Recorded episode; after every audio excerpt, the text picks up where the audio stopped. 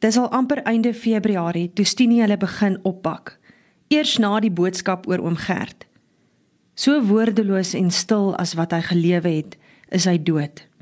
Trein het hom getrap, hoor Cathy toe Stinie dit terloops vir die dogter sê. Toe onthou Cathy weer van die sambok blikkie wat sy agter die klein huisie begrawe het. Tot dusver het sy nêrens gekom om die geld te kon bestee nie. Henny sal die wa en trekker stuur om die meubels dorp toe te vat. Soos Cathy verstaan, het Henny ingestem om Stinie te help met die huur van die huis op die dorp. Net vir eers, want Stinie kry maandeliks iets van oom Gert af. Te min om van te lewe, het Stinie by die meisies gekla toe hulle wou weet of dit beter met hulle in die dorp sal gaan. Ons sal vir julle werk in die dorp kry. Daar's winkels en kantore waar hulle iets sal hê vir iemand wat slim is. Al het hulle net standaard 6. Vandag moet die kombuis goed gepak word, beveel Stinie al vroegoggend vir Cathy. En jou twee dogters? wou Cathy vra. Maar sy het lankal geleer 'n toemond is in Stinie se huis 'n heelmond. Of sy wat Cathy is saam dorp toe trek, het niemand nog gesê nie. Sy kan in elk geval nie besluit wat die beste sal wees nie. Miskien is swaar kry op 'n plaas makliker as swaar kry in 'n dorp. Maar as sy mooi daaroor dink, is dit nie so moeilik om in die dorp weg te loop nie.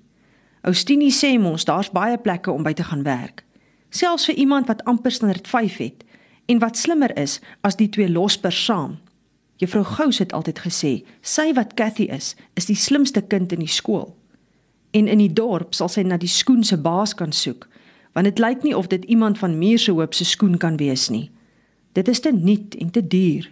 Miskien een van Dawid se universiteitsmaats. Ek vat Hetta se ou teestel saam, kondig Stinie aan. Die stryk trek soos 'n warm stoofuister deur Cathy se hele lyf. Toe sy omdraai, staan die vrou in die deur met Cathy se teepot in haar een hand. Die stompie druk teen die boepens van die teepot. Sy lyk skielik onhandig. "Dis my goed," sê Cathy kort af. "Dis al wat ek van my ma af het."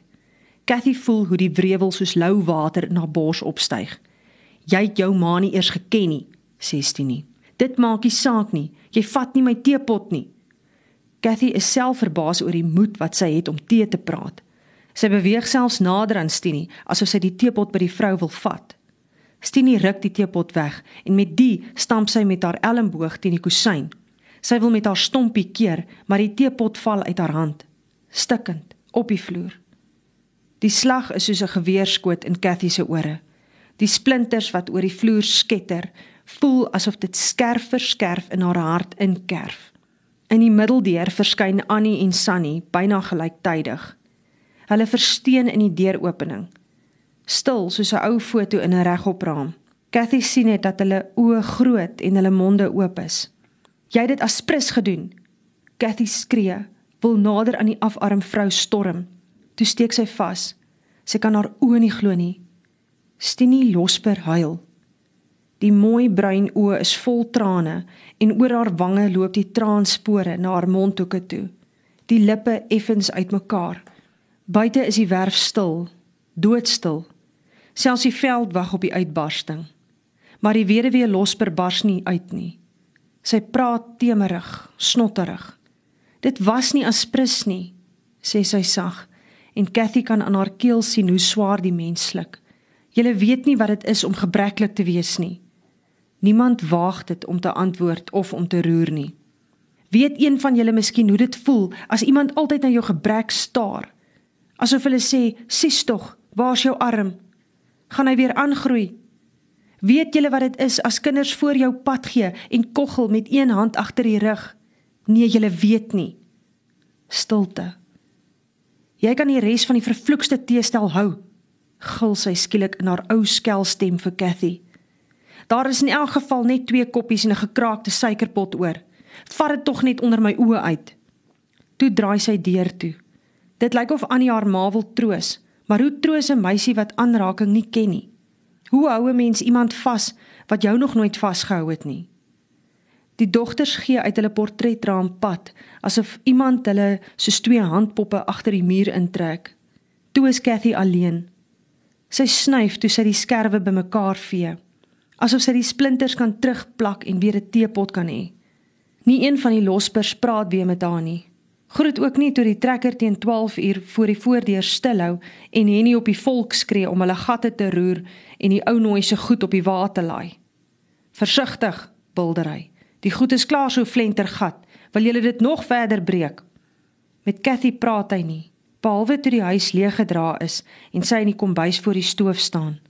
Ek sien hulle darm vir jou 'n tafel en 'n stoel gelos, weeskind. En darm 'n ketel. Hy loop uit en die voetstappe op die harde vloer kletter soos haal op 'n dak en weer galm deur die dolle huis. Ons sal maar sien wat hulle met jou maak, sê hy oor sy skouer. Miskien moet jy by Hanna aan die kombuis kom werk. Net mense wat op hierdie plaas werk, kan op hierdie plaas vreet. Buite gee die trekker vet soos wat dit verder wegry. Grens, weet Cathy, sal nie help nie, want daar waar huil vandaan kom, is nie meer trane oor nie en sy bly vaag weg daarvan bewus dat sy nog nie hierdie maand begin bloei het nie.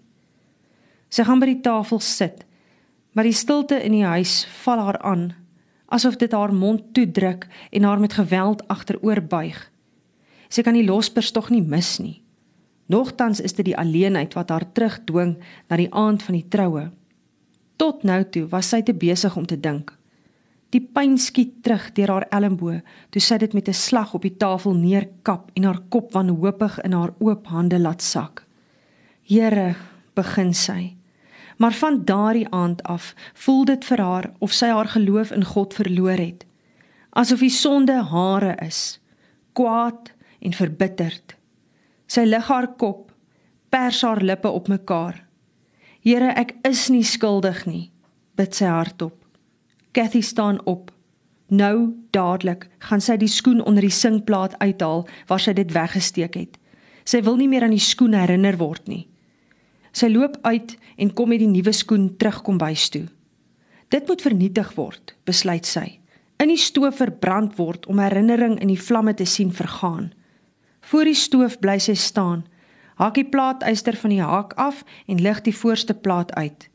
Die knal van die yster op yster is oorverdowend toe sy die plaat op die stoof laat val. Dit is asof sy haar woede en bitterheid in die skoen wil uitspoeg, uitkots. Hulle sal nie die dromer of die droom vernietig nie, juffrou Gous. Die as trek 'n wolkie om die skoen toe sy dit in die koue stoof laat val. Môre verbrand sy die nagmerrie saam met die skoen en die magic. Sy sit die plaat terug. Ek sal dorp toe loop en juffrou gaan soek al moet ek stad toe ry met die trein. Dit is hoekom oom Gert die geld vir my gegee het. Sy gaan weer by die tafel sit. Totsiens Varkensfontein. Totsiens vernedering. Ek gaan weg. Ver, ver weg agter die droom aan.